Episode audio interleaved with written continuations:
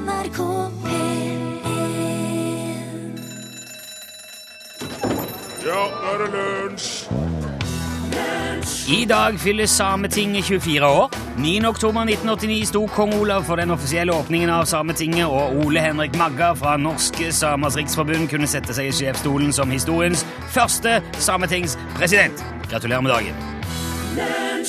Du eh, hørte ACDC synge Back in Black først i dagens lunsj. NRK P1, hjertelig velkommen til oss. Eh, Vi er i dag bemannet av radiotekniker Gudbjørn Bondhus. God dag, Gudbjørn. God dag, god dag. Er du i fin form? Ja, ganske bra. Ja, du ser frisk og rask ut.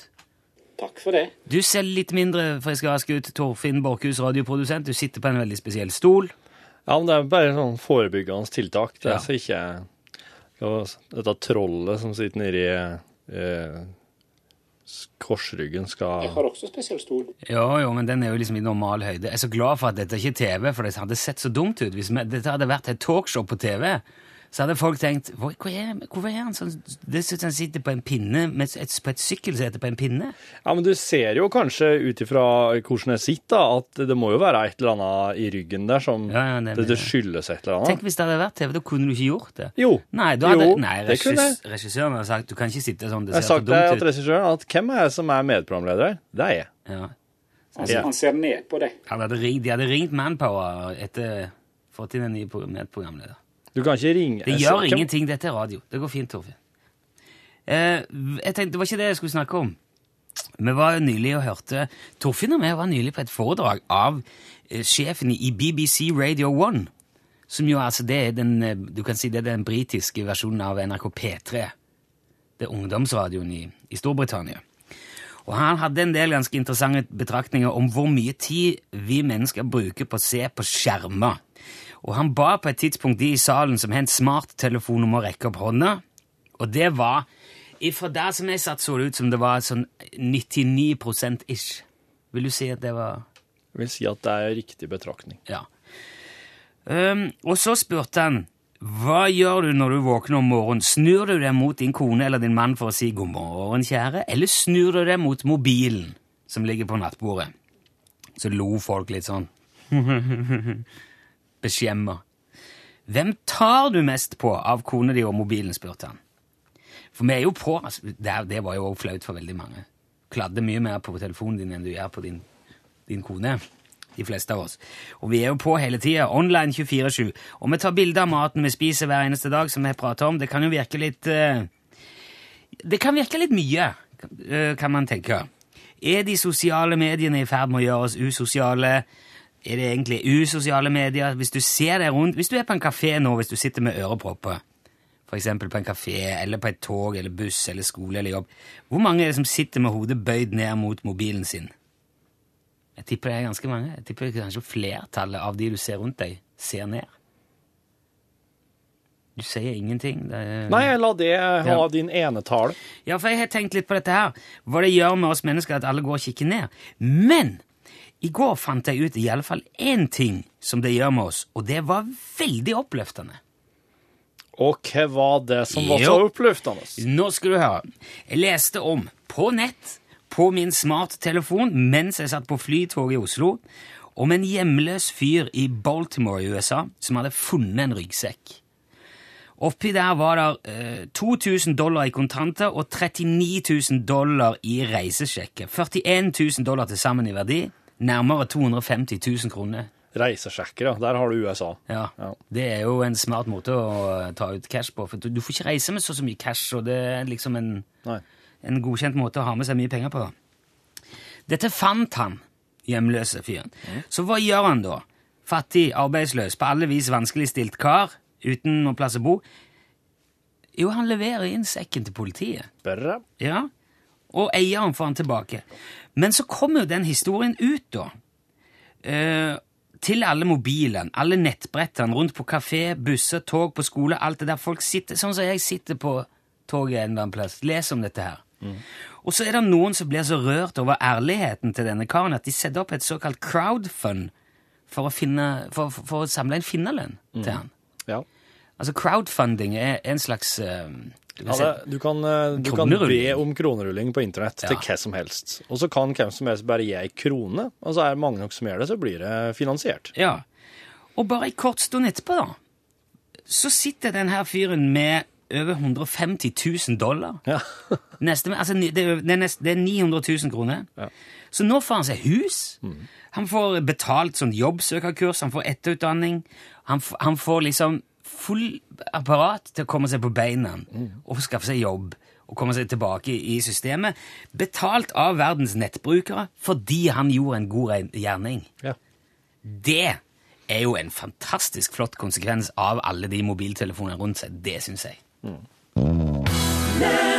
Hvor er du, min venn? Det var Lisa Nilsson. Ja, det var det.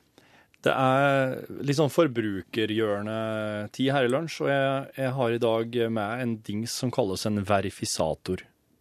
Dette her er en eh, Det er litt sånn glemt sak fra eh, gode, gamle science fiction-filmer. Det er som en hjelm. En ganske konisk hjelm, altså litt sånn spiss oppover. Som eh, Skammekroken-hatt. Nei, den er ikke så spiss. eh? Nei, den, Nei, nei, Okay. nei, det er kanskje mer som du skulle sett på deg en vannmelon med, den, eh, med en av Vannmelon Å ja, å ja, med, ja, ok. med, for den er, jo, den er jo litt avlang. Hvis du, du ser for at du kapper den på midten, og så setter du den på deg slik at for eksempel den Hva kalles det? Den stil, der stilken skulle vært, da. Ja, Hva er det som skjer med det nå? Jeg skal bare ta litt Ja, okay. vann. Bare fortell. du. Ja, ja. Og så, den, den her eh, verifisatoren, den er jo blåfarga da, til vanlig. Eh, Ganske mørk blå. Eh, Det er den farga han har så lenge du sitter og sier, forteller sanne ting. Ting som er ekte, sant. Ja. Men så kan han begynne å forandre farge ettersom om du beveger deg ut på litt eh, usikker grunn. Kanskje det er noe du sier som du ikke er helt sikker på. Kanskje du begynner å spe inn litt sånn forenklinger. Kanskje du etter hvert begynner å fortelle usannheter, og at kanskje du etter hvert, når hjelmen blir helt rød, forteller ei regelrett løgn. Han går fra blå til rød, alt etter hvor sant Ja. Du snakker. Det er en, det er en, det er en løgndetektor på hodet, altså. Jepp, det er det. det er det. Den kalles verifisator, da, for den kan liksom verifisere eller ikke. Men, men ja, det er en løgndetektor på hodet.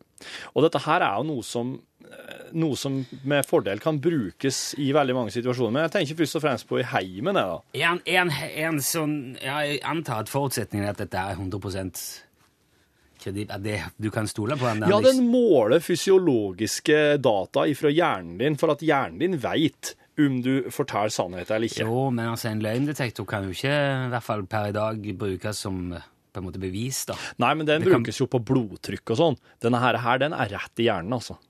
Rett i hjernen. Og i hjernen. Du kan ikke lure hjernen. Nei vel. Nei, nei. Eh, Så for eksempel, du kan ha, den fins i små, små, små modeller, så ungene, små unger kan ha den helt fra de begynner å prate. ah, Og du kan ha den på kjerringa di.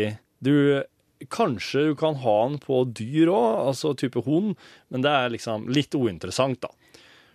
ja, det, ja. Jo, men vet du hva? Det der høres ut som en eh, kjempebra ting.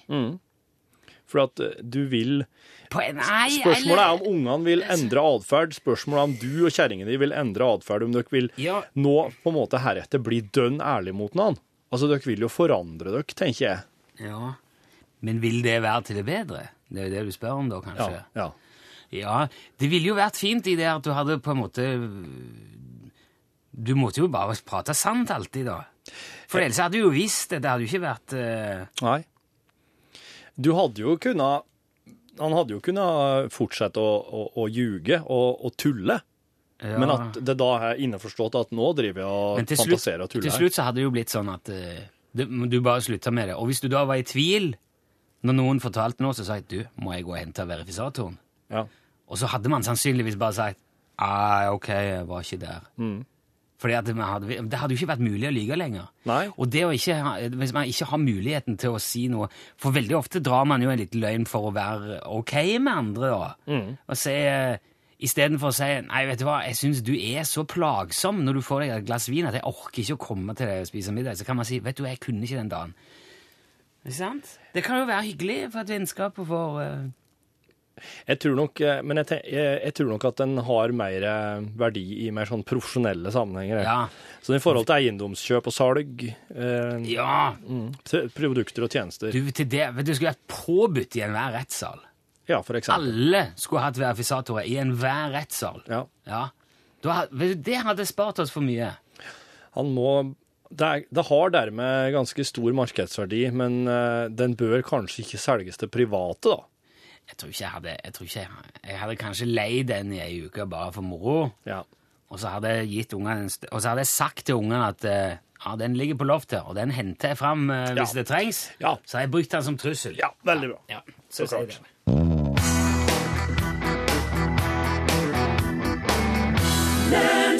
Payphone heter låten. Det var Maroon 5 som spilte og sang for deg. Lunsj radiogram 73 88 14 80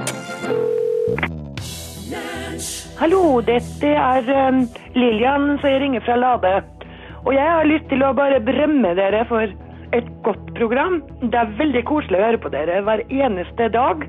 Men for å fornye dere litt og konkurrere med den her P1 Pluss, så kan dere jo legge inn litt gammel musikk, litt trekkspillmusikk og litt cowboymusikk og slike ting. Og så kan dere ha litt mer konkurranser og aktivere lytterne deres. Jeg tror neppe at dere mister så veldig mange av dem. For jeg hører alle sier at lunsj er et hyggelig og lett program. Takk og ha en god dag.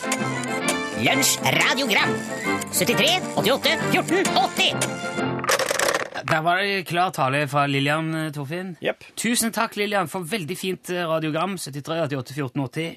Vi har tenkt vi skal ta Lillian på, rett på ordet med begge hendene, begge to, og følge opp eh, på strak arm.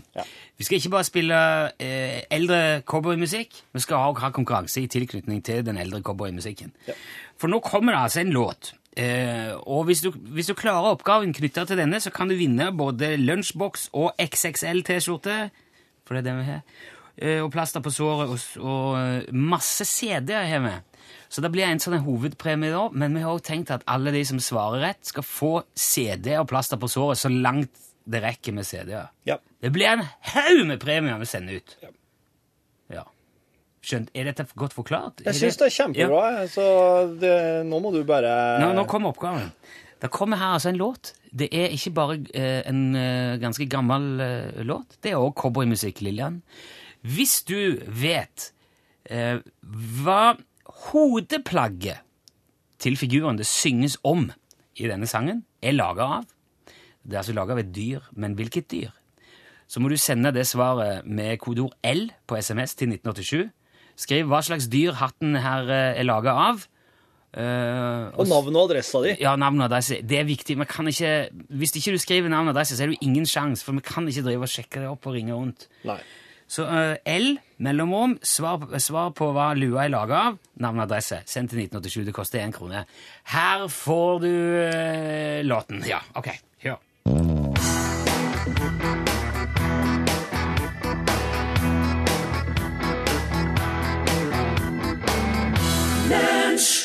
Det har tilspissa seg litt på den midtnorske vidda de siste ukene med vår venn Jan Olsen, som har vist seg å være gift, ja, og til og med nygift. Og mye kan tyde på at vi snakker om koner i flertall, altså. Er du med oss, Jan? Ja da, hallo ja, jeg er her, ja. Ja, hei. Er, er din kone òg i nærheten, Jan, eller? Nei, Jeg vet ikke det. Vet du ikke? Nei. Vet du ikke om din kone er hjemme, eller ikke? Jo, Er du... selvfølgelig, jeg vet. Ja, så da er hun i, i nærheten, altså? Hun er enten i nærheten eller ikke det. Ok, det, det er egentlig ikke så viktig. Nei vel. Eh, men du har jo tidligere antydet her at dette ikke er din eneste kone, Jan. Ja vel. Eh, betyr det at du faktisk har gifta deg med flere kvinner? Ja, jeg har giftet meg med to. Ok, men da må jeg jo nesten spørre om ikke det er litt sånn juridisk problematisk? Nei, det er ikke problematisk. Nei, men det, det er jo ikke lov til å være gift med flere i Norge. Jo, det er lov, ja. Nei, det er ikke det. Jo da. Man kan i hvert fall ikke gå i, i kirka og gifte seg med flere enn én. Jo, jo, det går veldig bra. Eh, du, bor i Norge, sant, Jan? Ja, selvfølgelig. Og vi, sn- ja, og vi snakker om den norske kirka, da. Ja vel. Jo, men der er det jo helt umulig å være gift med mer enn én partner om gangen. Ja, selvfølgelig. Ja. Ja da, ja da. Ja, men da, da, da, da bryter du jo loven, da, Jan. Nei, jeg bryter ikke. Altså, Hvis du på et eller annet vis da har klart å gifte deg med to kvinner, da, da gjør du det, altså. Jeg beklager å måtte si det, Jan. Det er ikke ulovlig å gifte seg to ganger. Det er ikke Man kan gifte seg flere ganger, men ikke samtidig. Nei vel. Men altså hvor, hvor, hvor mange koner har du akkurat nå, Jan? Hvor mange koner bor hos deg på bruket ditt oppe i fjellet der akkurat nå, som du er gift med nå, samtidig? Antall, Jan. Det er ikke mange koner. Hvor mange? Ja, veldig få. Ja, hvor få, da? Ja, hvor, hvor få koner har du akkurat nå? Eh, en. Én. Det stemmer. Men du sa jo at du er gift flere ganger. Ja vel. Ja, har du vært gift før? Er det det du sier, at du har vært gift før? Nei, det var det du som sa. Å, men stemmer det at du har vært gift før? Ja, det har jeg jo sagt. Ja, men, du- så du har, men har du blitt skilt, da? Nei, Nei, men du har bare ei kone nå? det stemmer. Men hvor, hvor er den første kona di, da, Jan? Jeg vet ikke. Men eh, lever hun? Ja, kanskje det. Men eh, når, når var, var siste gang du så henne, da? For uh, lenge siden. Ja, hvor lenge? Ganske lenge. Og kan du si noe årstall? 1979. Ok, ok. Det, er over 30 år siden. Ja, det stemmer. Men eh, husker du hvor du så henne siste gang? Ja da, ja da. Ja, hvor var det? Eh, Grense Jakobselv. I, i Finnmark? På grensa til, til Russland? Det stemmer. Ok. Ja, hva, var hva skjedde? Hva gjorde hun der uh, siste gang du så henne? Hun uh, løp Hun løp. Hvor, hvor løp hun? inn i Sovjetunionen. Verden. Hvorfor gjorde hun det? For å komme seg til Sovjet. Ja, jeg skjønte det, men, men hvorfor? Fordi hun skulle dit. Åh, ja, men Hvorfor ville hun dit, Jan? Fordi hun skulle ikke være i Norge. Så, eh, ja, men Sier du at den første kona di stakk av? Nei, nei, nei. Men, men hvorfor løp hun, da? Hva var det hun ville komme vekk fra? Hun skulle ikke vekk fra noe. Vet du, Noen ganger er dette så vanskelig, Jan. Ja vel. Det må jo ha vært en grunn til at din første kone løp inn i Sovjet den dagen i 1979, Jan. Ja, selvfølgelig. Det er Ja. Kan du ikke være så snill og bare fortelle oss grunnen til at hun løp inn i Sovjet? For hun skulle rekke toget. Hun skulle rekke et tog, Det stemmer. og det, og det var siste gang du så henne. Ja, ja, ja. Ja, men vet du hva som skjedde med henne? Vet du hvor hun ble av? Ja da, ja da. Ja, hvor da? Hva, hva skjedde med kona di? Hun eh, giftet seg. Ja, altså, Med en annen kar? Med en russer, eller Kanskje det. Jeg... Ja, vet du ikke? Nei, jeg kjenner ikke han. Ok. Men dere ble skilt, da, altså? Ja vel. Ja, det var ment som et spørsmål. Ja vel. Ja, så Men da, du, da har du bare ei kone nå? Ja, det stemmer. Ja, ja. Ja, ok. Da er det jo Jeg tror vi, jeg tror vi runder av her, Jan. Jeg trenger en liten pause, rett og slett. Ja vel. Eh, snakkes neste uke, da, eller? Ja, det er greit. Ha det Ja. bra. Ha det bra. Hei.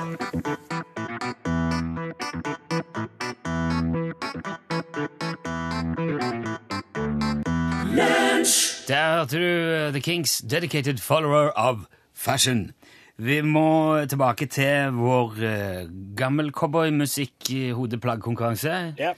Uh, nå, kan du, nå må du ikke sende flere meldinger, for nå trekker vi her. Yep.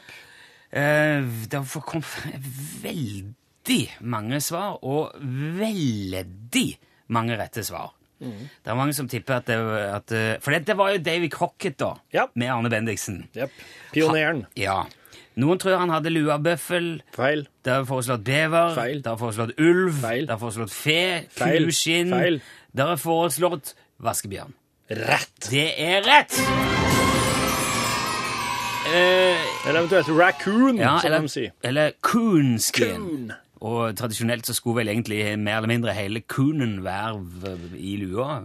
Jepp, du skulle ha ansiktet på vaskebjørn eh, framover, vendt framover, eh, rett over dine egne øyne. Så skulle halen til vaskebjørn henge ned bak. Men det er en eh, utsiktsassistent. på Det er som en skarva. Det er som skarvatprinsippet, egentlig. Det er jo sikkert derifra han Ståle henta ideen. Ja, det skal du se. Ståle elsker jo eh, Davy Crocket, vet du. Det vil jeg tro. tviler jeg ikke et sekund på. Vi har trukket ut en vinner som får, eh, som får hovedprisen. Ja, det er hovedpremien, skal jeg si. Det er jo eh, vår, hele vår merchandise-samling. Ja. Det er både eh, lunsjboks og T-skjorte størrelse XXL, for det er det vi har igjen. Strykemerker. Strykemerker, plaster på såret, hele pakken. Og det er Ole Anders Dalseth. Gratulerer, Ole Anders. Ole Anders Dalseth fra Rødven. Gratulerer. Men som jeg sa, så kommer vi også til Vi har en svær bunke med CD-er. Vi kommer til å pakke de med et plaster på såret og sende ut til tilfeldige rette svar. Ja.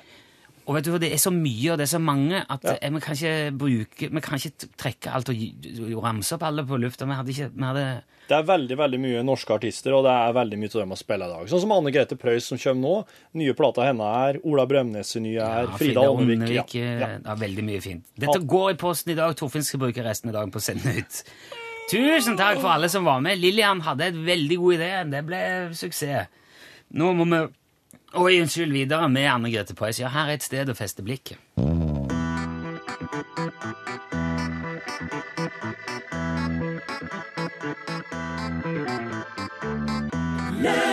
Du hørte med Grete Preus her. eh, Et sted altså å feste blikk Ikke et sted altså å feste blikket, men det var altså et sted å feste blikket. Ja, du prøver ikke vente på det, Torfinn. Du sitter og venter på det. Jeg prøver jo bare å holde dette her eh, flytende, selvfølgelig. Skjønner du hva det går i? Bada. Også gått i gang nå med det der konkurranse... Bam, bam. Konsept. Hallo, Karin. Hallo? Hallo? Hvem som, hallo, snakker med Harald? Nei, da hadde det kommet feil. Å, takk skal du ha. Hei, hei. Greit, nei. Da eh, Det først, det har jeg aldri opplevd før. Du, driver du og drikker på jobb, eller et eller annet? Du, eh, Borchhus eh, var Muligens Torfinn er så vondt i ryggen at han ikke klarer å koordinere fingrene sine når han trykker telefonnummer. Nå er jo selvfølgelig overraskelsen blåst, men det kan jo vise seg å bli interessant av en eller annen grunn likevel. Nå jobbes det frenetisk i kulissene i radioprogrammet Lunsj.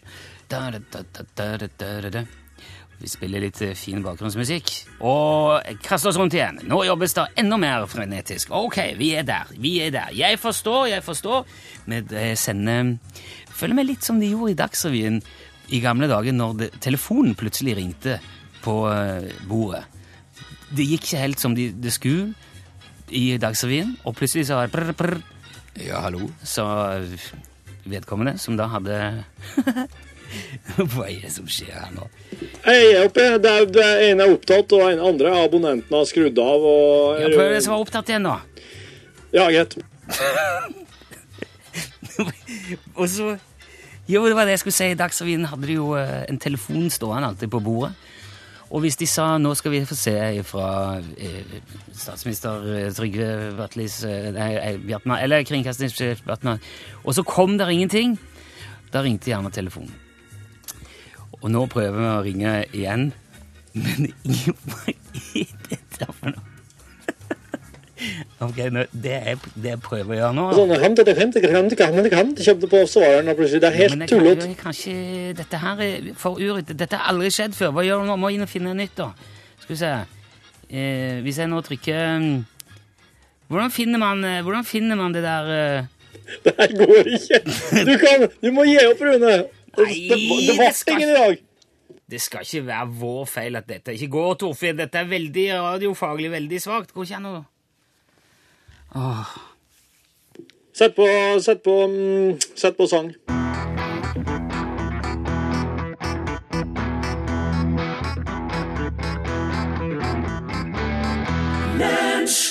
Jeg er så enig med Stian Fjelldal at det går an i verdens rikeste land å ikke klare å gjennomføre en ganske enkel liten radiokonkurranse. Men eh, vi her i dette programmet er ikke typen som gir opp. Gir kjapp. Jeg har aldri opp. Utslagsnes Transport og Skar, vær så god. Ja! Ja da! Å, Knut! Er det Knut? Ja, jeg er stand-in i dag. Han står der i Murmansk, så jeg er stand-in. Passer kontoret. Du passer på! Er Ståle i Murmansk?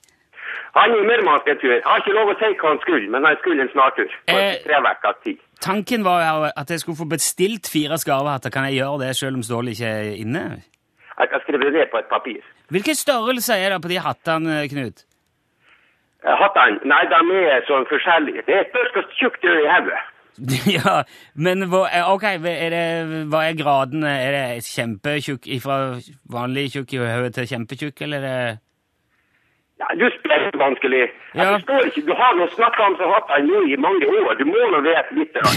Ja, får man de forskjellige farger, Knut, eller Du får dem i den fargen de vil, bare du velger kamuflasje og svart. Ja, nettopp. Hva foretrekker du sjøl, Knut? Ja, svart er det mest perfekte for meg. Svart. Du, dette her er jo helt supert. Jeg er veldig glad for at vi ikke ga oss her, Knut. Du svarte Det er forbilledlig. Rett på. Ja, det er bra. Jeg tror, eh, jeg tror du er, Hvis Ståle får med seg dette, her, så er det jobbtilbud i Posten i bare om kun kort tid. Uff, jeg gruer. Det blir mange svar. Hvor er det vi har ringt nå, Knut? Hvor, hvor er du henne i landet? Nå er du på ei paradisøy på Nordmøre som heter for Bergsøya. Bergs- Bergsøya, som vi sier på dialekt. Å, Bergsøya, Nordmøre. Det, eh, og det er et paradis på jord. Du, Ja, klart. du er, eh, tusen takk for at du har meldt deg på, og for at du svarte 100% korrekt, og for at du redda oss fra Torfinns eh, smørfingre. Ja, takk for at du endelig tok deg tida til å ringe. Jeg har venta fryktelig lenge på det. Oh, jeg ser er lenge siden du har meldt deg på Ja, jeg tror det er en fire, fem, sju, åtte år. Å, oh, det er så lenge, ja. ja da skjønner jeg at du begynner å bli lei. du, Knut, er, vi har din adresse. Det Der er svart Utslagsnes Transport og Skarv skyggelue på vei til deg i posten i dag. Supert. Supert. Endelig. Tusen takk. Ha en strålende dag, Knut. Tusen takk. Ha det bra. Hei, hei.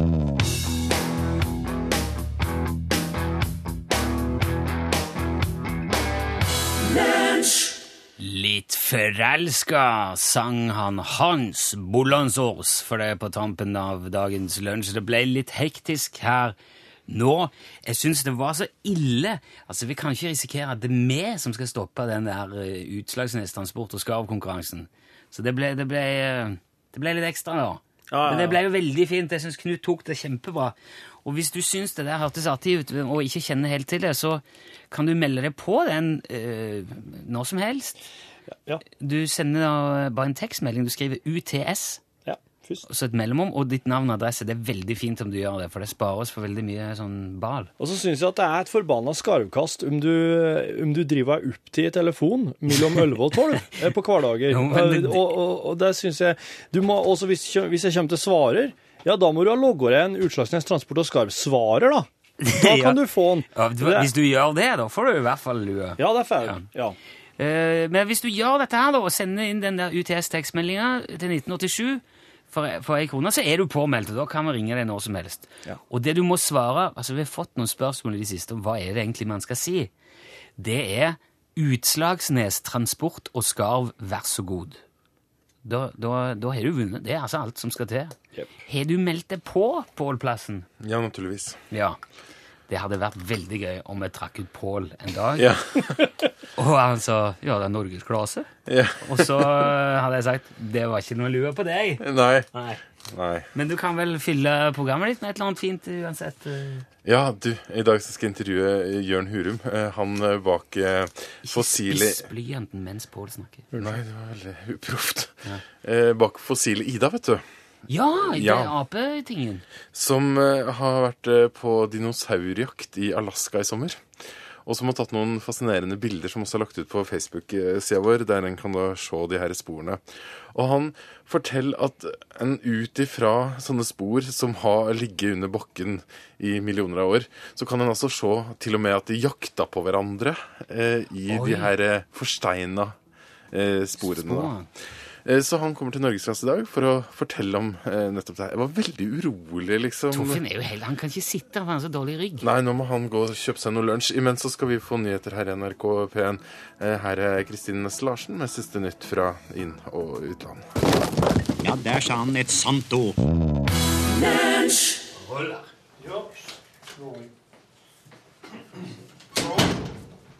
Kontoret kaller. Det her er podkastbonus til, stede. Uh, det her? Jeg ser jo hvem som er her. Rune og Torfinn. Var det derfor mikken sto sånn? Ja, er han Are stor? Kan du ikke, hvis du setter på den, da, og så bare sitter det sånn uh... Ja, det går. Men det må jo kunne gå an å sitte slik til den her òg. Men jeg, jeg, så, jeg så jo Jeg har ikke hørt på det dere gjorde i går, men eh, når du setter mikken sånn, så får du Det er jo et eh, Det er jo ikke et velegnet rom for lydopptak, dette her. Det er en slags uh... Torfinn er så lite nøye på alt. Det er faktisk det som får meg gjennom livet, Rune. Ja, men uh... Det er helt uh... Når skal det bli, på en måte bli eh, liksom eh, Fantastic, da? Nei, det skal aldri bli det. Hvorfor ikke det? Det er ikke noe, det er ikke noe å strekke seg til det. Fantastic? Nei. Det syns jeg må være Nei, det heller at altså, Jeg syns det er nok folk som strekker seg til Fantastics til at jeg kan bare slappe av. Jeg har ikke noe Jeg syns, eh, jeg syns at det er eh, enorm verdi i det middelmådige og det, det dagligdagse og det, det har liksom det, det litt sånn ambisjonsløse. Så du har liksom ingen eh, mål Nei. For det vi gjør her heller? Liksom, Nei, nei, jo, jeg, har, jeg kan jo ha litt sånne Jeg kan jo finne på at det hadde vært artig å gi ut Charlie Rackstead-musikken, f.eks.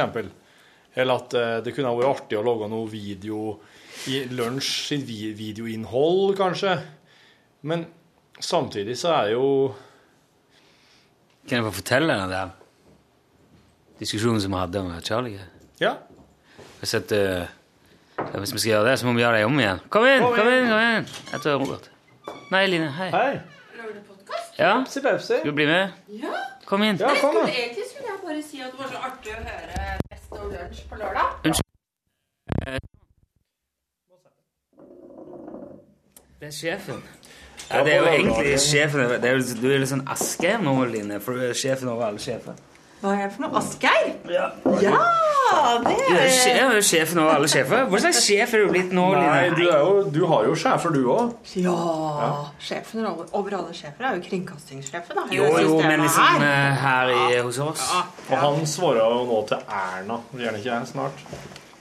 Erna Werna. Ja, ikke Erna jo statsminister. Ja, Ja. det gjør det. Ja. Men det var jo eh, det var Celine Line her som eh, Det var du som Ja, satte oss på. egentlig så Ja, lunsj, ja. Ja. Opprinnelig. Ja. Det var ikke ang- ikke angra på det, nei. Nei, det håper jeg ikke. Det er ikke med heller. Nei, men jeg tror ikke det har Nei, vært lunsj uten Line. Line, Line hadde jo eh, en slags det var, det var jo ganske tung tid for det når Rune satte hardt mot hardt at han måtte ha med meg. Da skjønte jeg at da jobba, da jobba du litt eh, ekstra i kulissene for å få til det der. For ansettelsesprosedyrene er jo ikke så eh, Det er jo ikke så gerilja her at en bare kan sette inn hvem som helst i en jobb. Nei, kan ikke det. Nei. Nei. Men det ordna seg. Du må ha en Alt ordna seg. Ja, det ordna seg. Ja. Ja, nå er jeg, begynte, jeg er jo litt usikker, for Torfinn har akkurat sagt at eh, han liker best det middelmådige og streber aldri etter noe som er bedre enn det. Nei. Så jeg tenker at nå kommer vi i hvert fall aldri lenger med det her. Mener du egentlig det, Torfinn? Ja, ja. Ja, men, han, men Rune han strekker seg jo så mye at jeg kan bare slappe av. Altså, Så lenge du befinner deg i et eh, miljø der andre strekker seg, så kan du tillate deg å Holde være igjen. ambisjonsløs. Holde igjen. Ja, helle att, kan jeg også si. Men det jeg egentlig kom inn for å si, det var jo at jeg syns at det var veldig artig å høre Best of Lunsj-sending på lørdag. Ja, For da hadde jeg jo nesten glemt at vi hadde programsatt det på lørdag. For nå har det skjedd så mye. ja. Eh, mye på P1 og ny Canada. det skjer noe hele tida. Og så, så kjørte bil, og så Nei, og så skjønte jeg og så var det lunsj? Det var jo deg Ja, ja, ja. Som snakka. Så tenkte jeg hva i all verden Å ja! Jeg det. Det er jo lunsj selv om det er eh, lørdag, for de har vi jo satt på, og det var så stas. Og egentlig bare det jeg skulle si. Hørte du det sjøl? Ja, eller, å, men jeg sto jo her og, og la det opp og putta Ja. alt inn. Så jeg, jeg var, det var jeg som på en måte bestemte hva som skulle være med i den. Det er jo jeg som har makt til å si Ja, ja, ja. det var et bra stikk, det der legger jeg meg i best-oven. Så da tar du det som er mest middelmådig? Og bare Nei, det der er jeg med mest. Det det hører jeg så mye av. Ja, det lurte jeg litt på, ja. For det var eh, Nei. Veldig Men- mye Torfinn. Ja. ja. Og så var det noe Det var noe lyd der som hadde lagt seg litt oppå hverandre på et lite tidspunkt der. Ja. Men det Du vet, var jeg, når jeg drev med miksa i, når jeg drev miksa i det programmet der før, så jobba jeg jo i P3. Og da hadde vi noen litt heftige overganger vet du, med, i miksinga. Så når jeg står og mikser her nå, så blir jeg litt sånn P3-rat. Så det kan hende det var litt, var litt, var litt hef... Var det ting som gikk oppå noen som ikke skulle gått oppå noen jeg jeg er litt usikker. For, For i- jeg kjørte jo bil. Jeg har, Ja. ikke, så, jeg har ikke så god bil, så den er ikke så veldig altså er, Jeg hører mye utafra òg, Ja, for å si det sånn. Motorlyd? Så jeg For eksempel. Så jeg var litt sånn eh, Litt usikker på egentlig hva, hva, hva det var. Men ja, for at eller, jeg, jeg, jeg vet Hvis det er intro på låt, Ja. så kan jeg finne på når, jeg, når, oss, når oss sender sånn Best of-sending, Mm. så kan jeg finne på å legge sluttpratinga vår oppå introen. Nei, det var ikke det. Var ikke det? Nei, men det da skal- var det et eller annet som Ja. eh, skar seg litt. Nei, vi skal finne ut av det. Jeg er ikke helt sikker, jeg. Nei. Men det er ikke hovedpoenget. Hovedpoenget var at det var så bra med lunsj på lørdag. Ja, Mm. så, så gøy. Ja. Jeg tror, det, jeg tror det er litt fint å For de som kan høre radio på lørdag, mange av de kan sikkert ikke høre på klokka tolv eller elleve på en vanlig dag. Nei. Så det kan være kjekt å få det igjen og ikke bare måtte høre podkast. Du skal forresten logge noen sånne best ja. uh, ukas høydepunkter, jingler og slikt, som man kan putte inn i den sendinga. Ja, for nå var det jo ingenting. Nei. Det var så mye annet som skjedde, jeg glemte helt å lage det. Vi skal ordne det før uh, det, må kanskje, det tror jeg du må kanskje lese. Eller vi skal bare lese det med. Jeg vet ikke. Line brukes jo Du brukes jo rett som det er i våre jingler, Line. Ja. Jeg brukes i det meste, ja, faktisk. Ja. Jeg er litt sånn potet, jeg. Ja. Det er ikke fint å få snakke på radio nå Ja, det er faktisk det. Så jeg gjør en glimrende liten bioppgave Savner du det å lage radioprogram? innimellom. Ja. Gjør det. Nå sitter du bare Du lager jo Kurer og jeg lager masse programmer før. Mhm. Nå sitter du bare og flytter papir. Møter og sånn. Er Ikke bare det, da. Nei. Flytter litt mail og Nei, nei, men det Nei, altså Ja, innimellom. Det er jo gøy å lage radioprogram. Du er kanalsjef for P1 Pluss. Det òg, ja. Ja. Mhm. Jeg er det nå. Her Så om- det er jo også Derfor må jeg faktisk snart gå. For jeg skal nå skal jeg intervjues av bladet Pensjonisten. Vil Så, men nei, men det, altså, det er fint. Vi lager eh, radio for eh, alle aldersgrupper og målgrupper, og Ja. syns det er bra, jeg. Men så salget av DAB-radioer har eksplodert etter P1 Pluss kom på. Ja. Det virker sånn. Mange hundre prosent. Og, Ja. og de er tom liksom i butikken. Ja. Det er helt utrolig. Det må jo være Ja, det er jo det Men det, det er, er det, sitter, fantastisk. det sitter jo ingen igjen her på P1 nå til slutt. Jo, det gjør det. Det gjør det. Veldig mange hører på Ja. P1. Og, og det kommer de til å fortsette med. Har- P1 er den store, den største og den breie kanal, største og breieste Ja. kanalen vi har. Og sånn skal det være Enn så lenge. Han Are han sa til meg at han hadde hørt det på P1 Pluss her om dagen. Og så hadde et eller annet skoret seg litt med et eller annet utstyr i studio. Og så hadde de eh, satt inn eh, et sånn nødprogram. Det var det det var? Jeg trodde det var bare kom oppå. Og det var lunsj. Ja. Ja, Og da lurer jeg på det hørte jeg om. Disse, her, disse som nå har gått over til De som liksom har stått i kø Mm. for å få seg en DAB-radio Mm. og begynt å høre på P1 Pluss, kan jo anta at de er ikke spesielt begeistra for lunsj. Så når det da, når det da går noen krøll i P1 Pluss, så kjenner du lunsj! Så kommer lunsj. Nei, der er de! Ja, for PM Pluss er jo for Jeg tror mange av de som nå hører på PM Pluss etter hvert, eh, syns at liksom P1 har blitt litt for uh, jeg vet ikke, det er liksom, De er føler seg litt fremmedgjort på en måte. Og kanskje Lunsj er et av de programmene som noen tenker det om. Så for de så var det jo litt dumt hvis Lunsj kom inn. Men jeg tror det handla rett og slett om at P1 pluss P1 pluss er jo ment som et supplement.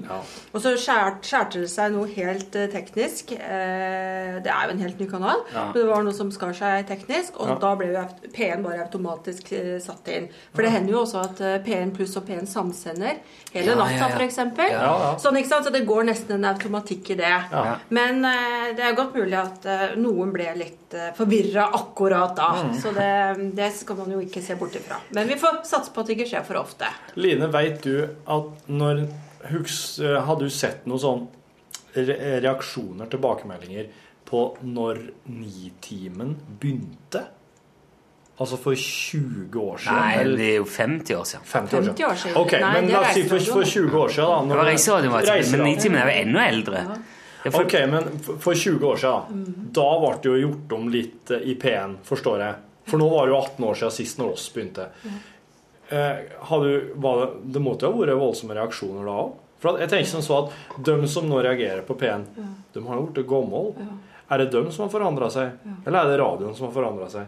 Jeg lurer på om det var liksom likedanne reaksjoner, at du kan bare si at historia gjentar seg hele tida. Ja, nei, jeg tror at uh, det har vært mange reaksjoner på Nitimen opp gjennom åra. Ja. Som du sier, ikke sant? Det er nye stemmer, det er nye uh, Nitimen har jo også alltid vært, og skal alltid vært, et uh, humorprogram. Mm. Og, og, var ikke en sånn pause? Altså, det var sånn, eh, Jeg tok med seg en bunke med plater og en avis og sa ja, ja, for trø vann i to timer her. Det var sånn Var det Kjell Tue, var det? Ja, det veit jeg ikke.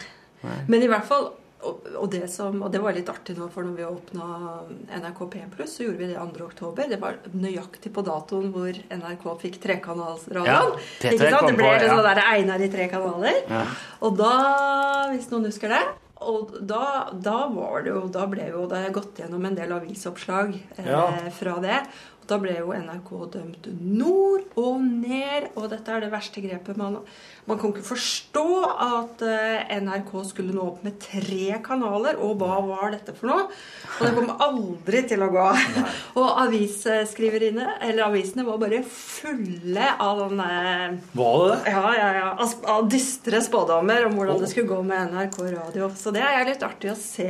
Veldig artig å se tilbake og se tilbake på historien. Men det var jo stortingsdebatt når de foreslo fargefjernsyn òg, da. Ja, det er sant. Men det var veldig hyggelig og artig å snakke med deg. Men nå må jeg gå. Ja, ja, ok. for- Takk for besøket. Takk for besøket. Takk for praten. Du, du stiller tilbake. Unnskyld for spraking i mikken her. Det er sånn at det må flytte på nyrene på mikrofonen når det er ferdigfolker. Ja. Man tar inn med, når, hvis jeg setter den på runding, så når sånn det kommer inn med et tre her, da må jeg ha den på runding, for da tar han inn lyd rundt hele mikrofonen. Når vi bare er to, så setter den på åttetall. Det betyr at han har nyre på begge sider. Ja. Tar han ikke inn så mye fra siden. Hvis jeg beveger meg her nå, så vil man sikkert høre at det er litt mindre lyd. Men hvis jeg går hit igjen nå, der jeg pleier å sitte, så blir det litt bedre.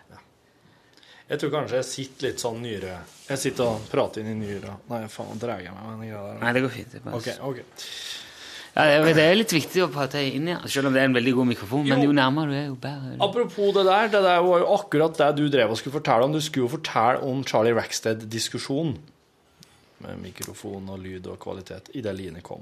Ja, For det var det, det- var jo i en større sammen. Ja, ja, for det var det der middelmådige Eller det der middelmådige greiene, ja. Ja, for vi snakket om kanskje For det er mange som har spurt om ikke Charlie Rackstead kan komme på plate, eller de kan laste det ned noen plass. Men det er jo ikke våre altså, Verken vi eller Charlie eier de låtene. Det er jo Marius Müller, Åge Aleksandersen og DumDum Boys sine låter. Yeah. Og rettigheter gjør at eh, Altså, jeg tror vi, vi kan visst, men det er litt det Alle de tingene vi lager sjøl, bestemmer vi over sjøl i veldig stor grad. Det kan vi legge ut til nedlasting eller YouTube eller hva som helst. Men når det er andres åndsverk, er låter som andre har skrevet, så er det litt verre å bare trampe oppi det. Og vi har ikke, helst, vi har ikke lyst til å liksom gjøre det Å legge oss ut med noen da. Nei. Drive og ta kontroll over andres sanger. Så vi snakket om kanskje vi kunne gitt ut på plate. Da har jeg lyst til å få spilt inn ordentlig. sånn at, at vi hører For nå er det liksom live i studio, og det er bare rett ut, og det er tjo og hei. Hvis vi skal liksom tilby det på en ordentlig måte, så må vi spille det inn skikkelig. Og nei, da tenkte Doffen at det Begynne å gjøre ting skikkelig, det har jeg ikke noe lyst til. Så oppstår en kjempediskusjon om eh, hvorfor i helsike skal vi gjøre ting ordentlig nå. Det var ikke, var ikke helt det, da, men Nei, men Jeg var liksom redd for at det skulle bli for ordentlig. Jeg, for jeg syns jo at den lyden, den sounden, den, det der, den nerva som er til det som også, det, de Charlie Braxton-låtene som spilte nå, de, var jeg, det var jeg redd skulle forsvinne, for jeg så for meg et slik herre Et sånn, sånn studioinnspilling der, der på en måte eh, trommisen går inn først og bare spiller på klikk. Og så kommer bassisten inn og spiller, oppå det igjen, og så kommer gitaren, og så kommer sangen til slutt. At den, at den bare spiller inn sånn At det, at det blir Det er best å anta det verste med en gang. Ja, men jeg, jeg, jeg, har, jeg har aldri vært i studio og spilt inn noen ting. Og jeg har bare en slags idé om at der står han bare og legger på lag på lag eh, uten at han liksom spiller det i lag. Ja. Nei, det er ikke sånn. Nei. Man kan, ble det sikkert, man kan jo sikkert det òg. Men sånn som det er spilt inn nå, så er det, det er fire mann i et studio. Det er lyd i alle bauger kanter. Eh, der, er, der er tekstfeil, og der, det skjærer ut innimellom. Det er sjarmerende, det. På mange sett og vis. Og jeg syns jeg har ingen problemer med å sende det på radioen. Men jeg synes syns hvis det skal liksom på ei plate, eller det skal Mm. gjøres litt ordentlig, så må vi gjøre det gjøre det skikkelig. da. Og jeg har brukt eh, ganske mange timer i studio og liker jo at, at det, det låter litt ordentlig. da. At når det er et ord som er helt feil, Ja, så kan man liksom flikke litt på Så det. klart. altså. Så klart. Og det gjør jo folk flest som gir ut plate. Til og med bra plate gjør jo det. Flikker litt på produktet sitt. Så kommer plata ut, og så spiller de det likevel live, selv om det ikke låter helt likt. Folk er kanskje til og med strykere på platene sine, men de drar på konsert uten det. For de finner liksom andre kule måter å gjøre det på. Keisers ga ut den siste trilogien sin med fullt, fullt orkester. Og jeg, og jeg husker jeg spurte på hvordan i herrens navn skal dere gjøre det der live. Nei, det var ikke noe problem. Så dro jeg på konsert og så det. Sa, det er jo kjempetøft. Det blir bare en annen greie. Det blir som to forskjellige ting. Men allikevel samme tingen. Det ble helt supert, det. Jeg tror kanskje at innafor innenfor den sjangeren der eh, Charlie Rackstead befinner seg, så syns jeg at det er et hav av forskjell mellom det jeg har hørt og Altså, for eksempel, altså Sett deg og hør på ei studioplate med Hellbillies. Ah, ja, Ja. greit. Og så tar du og setter på Live Laga, livealbumet. Det er så enorm forskjell. Så jeg, jeg så for meg en slik forskjell. For da, for, da, da, var jeg, da er jeg rett og slett redd at eh, ved Charlie Rackstead-låtene vil forsvinne fordi at oss jo ikke er like flinke som Hellbillies. Hvis at oss ikke er like flinke som Hellbillies og begynner å spille inn på samme måten som dem i et studio, så vil det ikke bli så bra lenger. Rett og slett fordi at det er det vil bli bra. den XX-faktoren forsvinner. I det flinkisgreiene i studio var jeg redd, da. Ja. Nei, det, det gjør det ikke. Det gjør, det gjør ikke det. Det blir bare mye kulere. Det blir bare mye ryddigere lydbilder og liksom mer behagelig å høre på, fordi det er ikke bare grums. Men nå er du Altså, når Charlie Rackstead synger, så kan du høre det gjennom alle trommemikrofonene, gjennom banjoene, gjennom kassegitarene, gjennom alle kormikrofoner. Alt! For det, det er jo spilt i et studio med monitor og høyttaler alle veier. Det er egentlig bare graut. Det hadde aldri stått seg Du, altså, Kjerringa sa det når vi var ute og kjørte bil, og så spilte HGH sitt album Pig Noise. Ja. Det har blitt spilt inn på hytta til han Lars Håvard Haugen oppe i en eller annen dal. Og det er egentlig gjort sånn at de, de setter en mikrofon midt i rommet, og så set, samler de seg rundt. Og så sitter, H- sitter Martin Hagfors og Håkon Gebhardt og Lars Håvard Haugen rundt, plassert litt sånn at det skal bli noenlunde balanse. Og så er det rett og slett det er opptaket de har gitt ut, da. Men når vi satt og spilte der i bilen, og vi var ute og kjørte kjerringa jeg, syns jo den låta Jeg, jeg elsker det bandet her, jeg syns det er kjempekult. Og så sier kjerringa at det her er for dårlig kvalitet til å være gitt ut på CDs, jo. Ja. Det her er for dårlig lyd. Og det slo meg akkurat nå at det vil jo faktisk bli tilfellet med Charlie Rackstead Ja, hvis vi gir ut det. Det vil det, altså. Ja. Uh, og så er det ikke sånn at uh, For hvis du skal gjøre det sånn Mm. Det, er jo, det er jo helt fantastisk hvis du får det til å funke. Det er jo sånn bluegrass-musikere gjør. Ja. De står rundt en eller to og tre mikker, Mm. og så går de bare bort når de uh, korer, og så går de nærmere når de synger solo eller spiller solo. Eller, Ja. og, og hvis du får til det, så er det utrolig flott og masse nerver og sånn, men da skal du være flink å spille, da. Ja.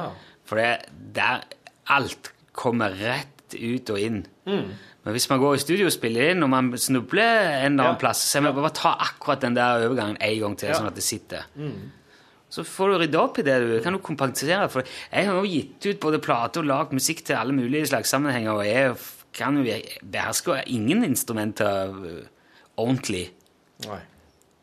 Nei, altså, jeg, jeg kan ha et visst vokabular på piano og et visst på gitar, men jeg kan, jeg, jeg kan aldri sette meg ned med et akustisk piano og sier ja, han går i F, og sier ja, ja, sorry, da kan ikke jeg være med, må jeg si. Nei. For det kan ikke jeg. Nei. Jeg kan ikke få besiffe, jeg kan ikke note, jeg kan ingenting sånn. Men så lenge jeg har et studio og kan få den tid og kan jukse sånn som jeg vil, så Mm. kan jeg få det til å høres ut som jeg kan det. Ja. For meg Ja. er det godt nok. Jeg har i hvert fall sendt, uh, i hvert fall uh, sendt sangene uh, åt en, en som driver et uh, plateselskap. Bare hørte meg om, han kunne, om det her kunne være noe for han. Og så får vi se hva det blir. Men jeg, jeg tror nok at, eh, jeg tror nok at det, det blir en Charlie Rackstead-utgivelse, ja. På et eller annet nivå, kanskje. Ja. Ja, det var gøy, det. Ja. Men det er jo Jeg tenker jo også som så at det, det, her må i Spotify, da. Og Ja, skal ja, gi ut ja, ja. vinyl, og skal ha det i Spotify. Ja. Da tror jeg at folk eh, Jo, men, jo, men eh, vi kan jo ikke tjene penger altså, Det er jo ikke noe eh, Poenget må være å gjøre det tilgjengelig til de som har lyst til å høre det. For det, det kom så mye spørsmål om folk som vil ha tak i det. Ja. Og det er, det er så vrient. Ja. Så hvis vi skal gjøre det, må vi gjøre, gjøre det i, ordentlig og innenfor det der systemet med, med tono og gram og alt det der. Du må, du må ivareta alles eh, opphavsrettigheter. Jeg tenker, jeg tenker også på at det kunne det vært veldig veldig artig å sende dette her til USA. Og la amerikanerne få høre det. Ja. La dem eh, noe i Minnesota, sende det til lokalradioer i eh, Minnesota og Wisconsin og, og, eh, og bare få Bare servere dem historia. Ja. Det her er Charlie Rackstad er fra Sticklesburgen, i Minnesota. og Han er rett og slett driver og gjør det ganske stort i Norge nå. Og så bare sånn Hæ? Hva er det her? Og så hører de på, og så bare ja. Og så kanskje de blir med på greia. Men jeg tror sånn så De hører jo Vi har jo hørt uh, kjærlighetsviser med, med Halvdan Sivertsen i hæl. Han er jo han er vokst opp i den tida man kom ut. Og har vært så enormt svær og lever livet òg, splitter pine. Det er jo sånne låter som, Ja. som er så Det ligger liksom Du har fått dem med morsmelk Ja, for Hvis du ikke har hørt dem, så har du nok ikke vokst opp her til lands, tror jeg. Nei. Men det da får høre Når du, skriver det om og arrangerer det på en helt annen måte og oversetter det til et annet språk, så hører du liksom andre sider med Hører andre kvaliteter. Du hører andre andre ting med, det med Jeg vil nesten si at jeg hører hva låta handler om. For at eh, I enkelte tilfeller så kommer dialekta, måten det blir sunget på, i veien for hva budskapet er. Altså lyden av ei stemme gjør at du bare tenker ja, Jeg tenker Halvdan Sivertsen, jeg tenker veldig sånn Gitarkameraten og skjegg og vest og 10 000 tommeltotter. Ja, ja. Den. Så når jeg hører kjærlighetsvisa bli sunget på engelsk, på syngespråket, så, så gir det meg noe annet. da. Kulturutveksling. Ja, ja. Men hvis du er blant de som har spurt etter dette, her, så, vet, så kan du vite nå at du jobber med det. i hvert fall. Så skal du vite også det at akkurat den sendinga den 3. oktober, da vi sendte Live the Life, altså Åge Aleksandersen sin Leva livet, da skjedde det noe tull. Sånn at Leva livet går det ikke an å høre i programspilleren vår. Men det der, der driver det folk både i Trondheim og Oslo og prøver å finne ut av. Så foreløpig så går det ikke an å få hørt Live the Life på nytt. Ok. Ja, ja. Men det, jeg skal si fra klart og tydelig på, på Facebook og sånn når, når det gjør det. Men Men jeg gikk kan han- gikk spille han ikke- Jo, han gikk i, eh, På lørdag? På lørdagen. Det gjorde han. Ja, men ligger ikke det, havner ikke havner de sendingene i vår programspiller? Du vet jo, Der skal jeg sjekke med en gang, for det er jo fort gjort og sånn. Ja, for Det går jo Best av på lørdagen nå, hvis han var med der, og det legger seg i eh, radio.nrk.no, så kan du gå der og høre. Skal vi se her Det var en sju... Ja, jeg tok den på kom- computeren. Tjekker, tjekker ud i computeren om computeren, om der er mulighed at høre Live the Life. Guddags 9. Datum. Datum. Der er Laur. Jeg syns det ikke bare er lett å finne veien i den der. Jeg synes det er litt Da får du en bekreftelse på at mannen som ligger midt i byen Hva er det? Hvilken dato var det på den jævla lørdagen, da? Ja, det er jo bare å se på på. Mm, Dette her, er- dette her er jo uh, Fotsenden. podkastfaglig veldig svakt. Ligger ikke ute? Der, ja. Ja, der var han jo. Ok. Den er, der er det heller ikke metadata, så det går ikke an å trykke seg fram til den, men jeg kan dele akkurat det punktet i spilleren. Ok, På Facebook. Ja, jeg skal gjøre det nå. Ok, Øyvind Foss har sendt oss en e-post der det står 'flaks'. i emnefeltet. Hei, Runa Torfinn. Hei. Hei. Jeg hører nå på podkast fra 6.9.2012. Oi! Hvor Torfinn skraper flakslodd og påstår at åtte av ti gir gevinst. Jeg så på Siffer på moderkanalen hvor programleder slår ti seksere på terningen på rad. Dette krever selvfølgelig mye tid og blir nok en utrolig kjedelig og frustrerende arbeidsdag. Betydningen av dette er at Torfinn bør på ti lodd på samme rull på et eller annet tidspunkt kunne klare å få ti av ti om Norsk Tipping sender ut gevinstgivende lodd i tilfeldig rekkefølge. En utfordring for dere? Spørsmålstegn. Det som er, det som er Jeg så det der når han trilla Var det så mye som ti sekser? Ja, det står det? Ja. Eh, det var noe som han gjorde, ja. De viste jo på TV at han gjorde det, han sifferfy-duden. Ja. Og så viste de etterpå at de hadde jo holdt på en hel dag. Mm. For han liksom heiv. Så klarte han tre, og så kom det en toer. Mm. Ah, Begynn på nytt, da. En, to Ikke sant? Så de holdt på helt til de fikk så mange på rad. Jeg, jeg tror ikke det var så mange som ti, altså. Det tok en dag? Ja, De holdt på veldig lenge. Men poenget var jo bare at jo, jo, jo, hvis du bare holder på lenge nok, så vil du klare å få det til på rekke og rad. Men det bare treffer med en gang. Det er jo noe annet. Da vi kom av flyet i går, jeg kom hjem etter å ha vært i Oslo, så sto han der sifferfyren Ja. på Nei, det var vel om vi kom til Oslo, tror jeg kanskje. ja. Så var det Han er lett å kjenne igjen, da. Ja, han er veldig høy og nesten like mye skjegg som du her. Men jeg så bare han gikk og tråkka Nei, det må være når vi kom til Oslo, for det var på Gardermoen. Han gikk og tråkka opp i gangen den der med sida av eh, gaten der som kom av flyet. Ja. Så han gikk og snakka med seg sjøl. Oi. Men så hadde han ikke liksom eh, Uff da. Kanskje han hadde plugg i øret? Nei, han hadde ikke det. Han hadde ikke det. Og jeg sa det til Per Olav når vi gikk inn. Du, jeg håper det har plugg i øret hans, ellers så tror jeg han er i ferd med å miste det. Uff da.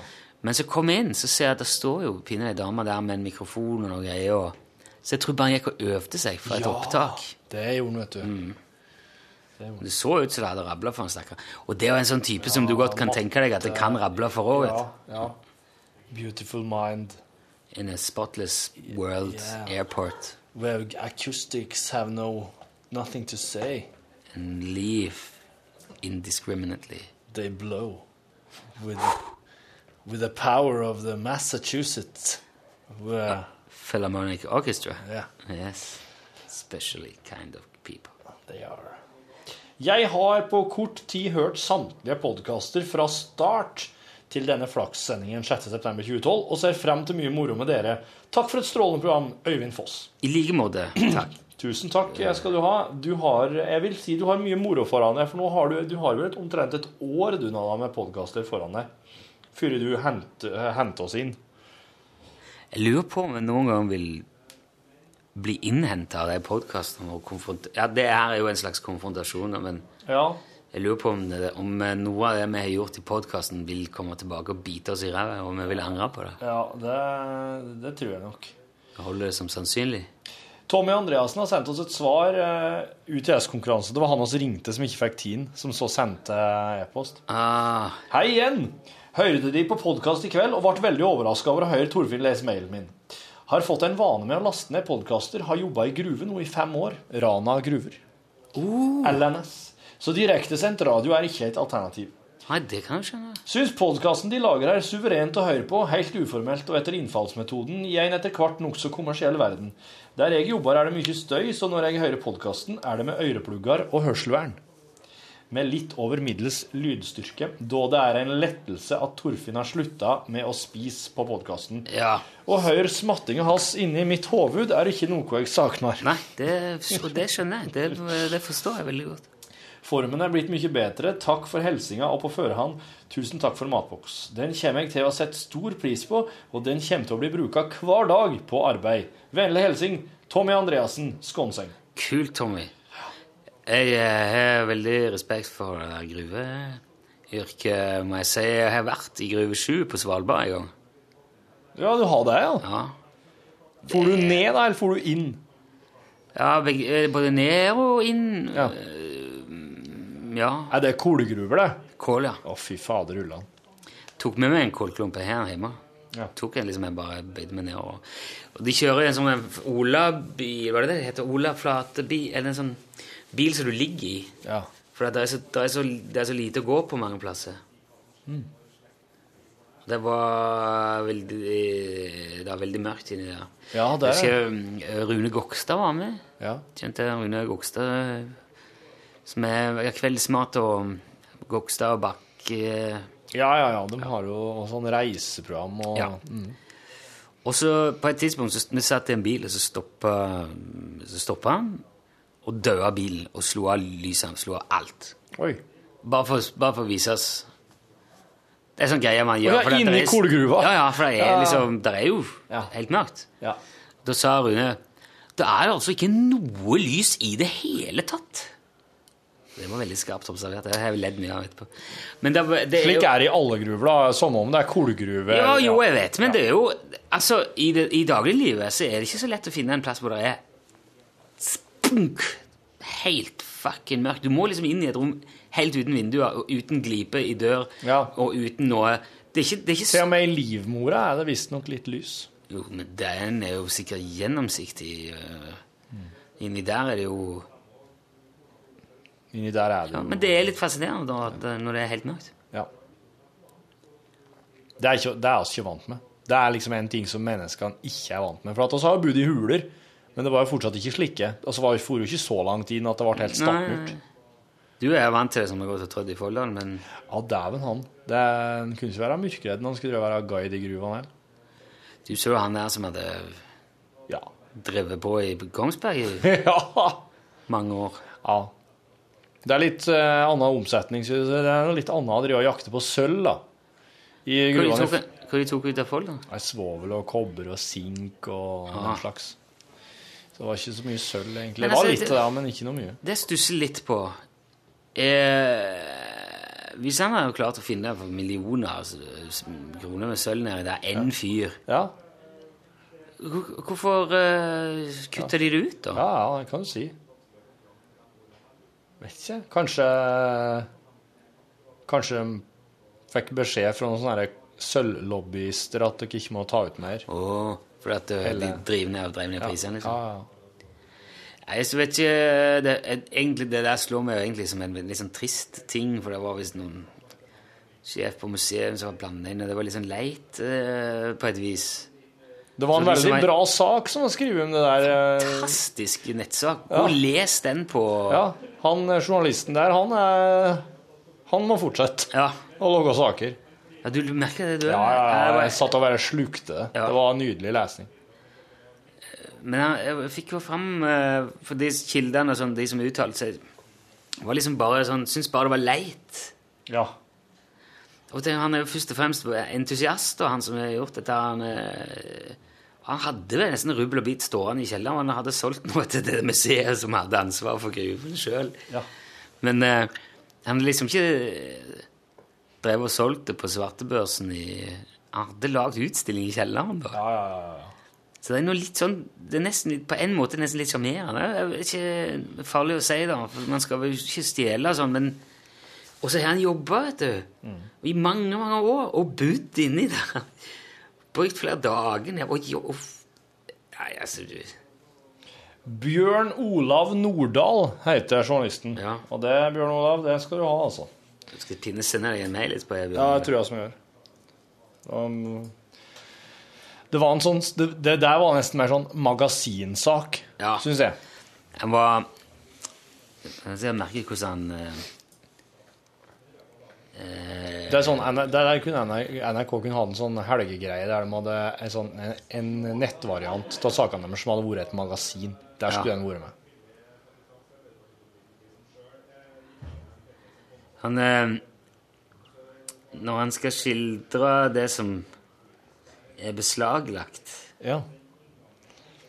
Den hopper jo hit og dit, den historien, men han hopper jo etter Ja. hvert tilbake til at politiet kommer inn i leiligheta til mistenkte i Drammen Ja. og, og finner finn mineralene. Jeg skulle ut og si vitamin... vitamin. Ja, han, skal, han, skal fortelle det, var- det var noe jeg la mest merke til i hele saken. Han skal fortelle hva som er beslaglagt i det der. Så skriver han hvis du går ned trappene på politihuset på Kongsberg, gjennom parkeringskjelleren, forbi bilen til hundepatruljen, forbi truget som henger på veggen, forbi politisyklene og inn i den gamle arresten, da kommer du til en låst dør. Når den åpner seg med et tungt sukk, vil du på venstre side finne en liten plastkasse. Alt det andre i dette rommet, kassa på kassa, er beslag for den tiltalte 47-åringens kjeller i Drammen. Men den lille plastkassa til venstre er merka med en egen etikett. Nordrum-saken. Forsiktig. Hvis du åpner lokket på den kassa, vil du finne et par bomullshansker. Og når du har tatt på deg dem, kan du forsiktig løfte ut en anatras, en krystall av titandioksid. Og til tross for det begrensa lyset i det lille avlukket, blinker den forførisk og skarpt. Det er mineralet som ble kjøpt for 44 000 kroner av tidligere museumsdirektør Fred Steinar Nordrum. Ja, det er den som eh, Den han kjøpte av Som han fant i gruva, og som museet vi kjøpte tilbake. Ja, ja, ja. Eh, men det er jo så- Fantastisk beskrivelse. Ja. Veldig bra. Les den saken. Den ligger på nrk.no ennå, ikke? Jo, jeg tror det. Eh, saken, i, hvis du skal søke på den, så Skal vi se Den er lang vet du. Det er nesten som en liten novelle. Ja. hele- Tobarnsfar hentet ut sølv for millioner fra fredede gruver, er tittelen. Skal vi si at det er bra, da? Og så får Du, vi ut dette her. oss hadde En Are start, eh, prøvde en lydquiz fra Stian Ramseng i går. Oss klarte den ikke.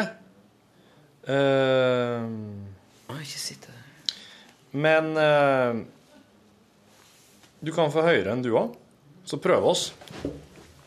Så tenk oss det avslutningsvis. Ja, ok. Dette her er jo uh, tidvis litt sånn uh,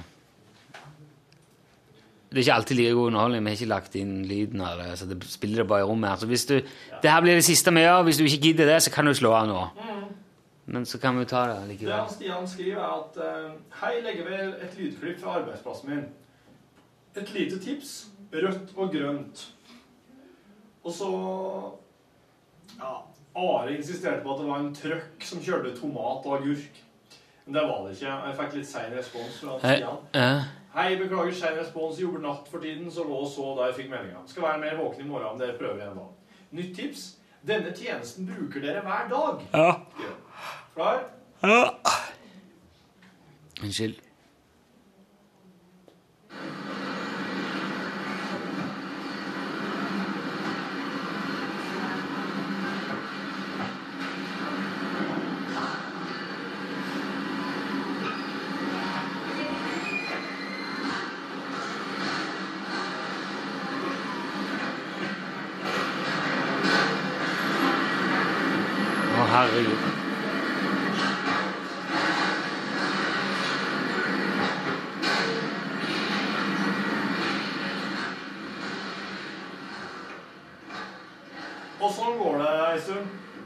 Og det ikke opptaket nå, men det, det, sånn er det. Denne tjenesten bruker oss hver dag, og han tipset er rødt og grønt. Ja, eh, jeg tenkte på trafikklyset, liksom, eller, eller rød og grønn mann. Ja, men det er jo Men, men den logger jo ikke slik lyd. Det det er, sånn pantemaskin. Jeg kan jobbe du, pann. Men eh, hvordan kan man vite at oss panter hver dag? Eller, Ja, det er jo det vi ikke gjør nå. Det er jo...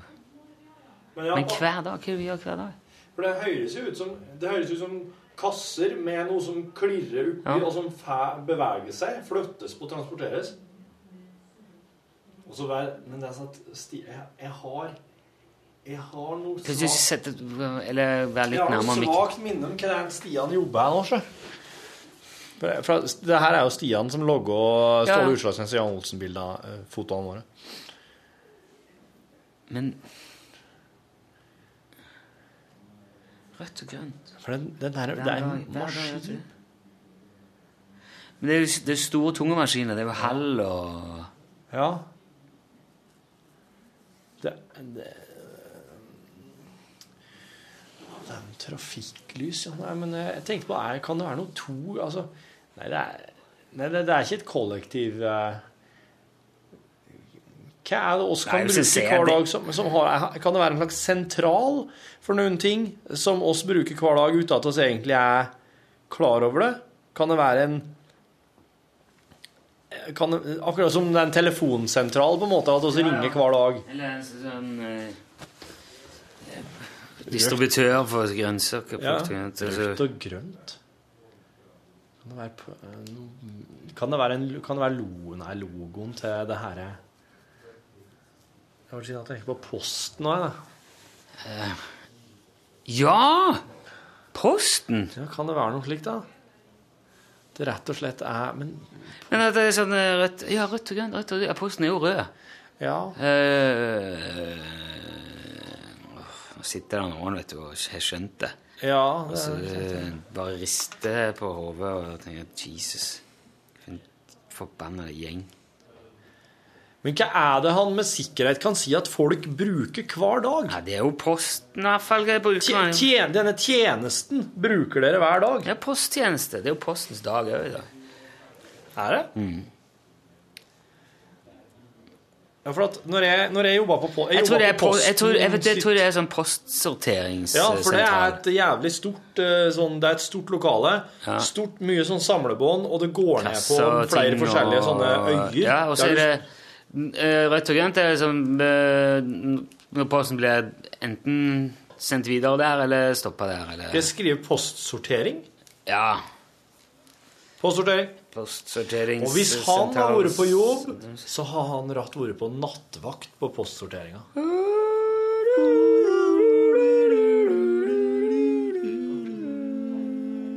Men da tror jeg ikke han svarer nå heller, så da kan vi jo ta Han skulle prøve å være litt mer på i dag, men stakkar, han må jo ikke være vaken bare fordi at eh,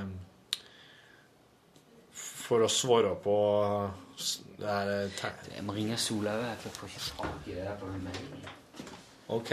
Vi må si takk for nå. Ja, altså, må si det. Greit. Eh, tusen takk for at du lasta ned podkasten vår. Alt godt ifra oss i lunsj, eh, og Ja, og, og vi høres, for eksempel. Ja, ja, ja, ja vi hørs. ja. Hør flere podkaster på nrk.no podkast. NRK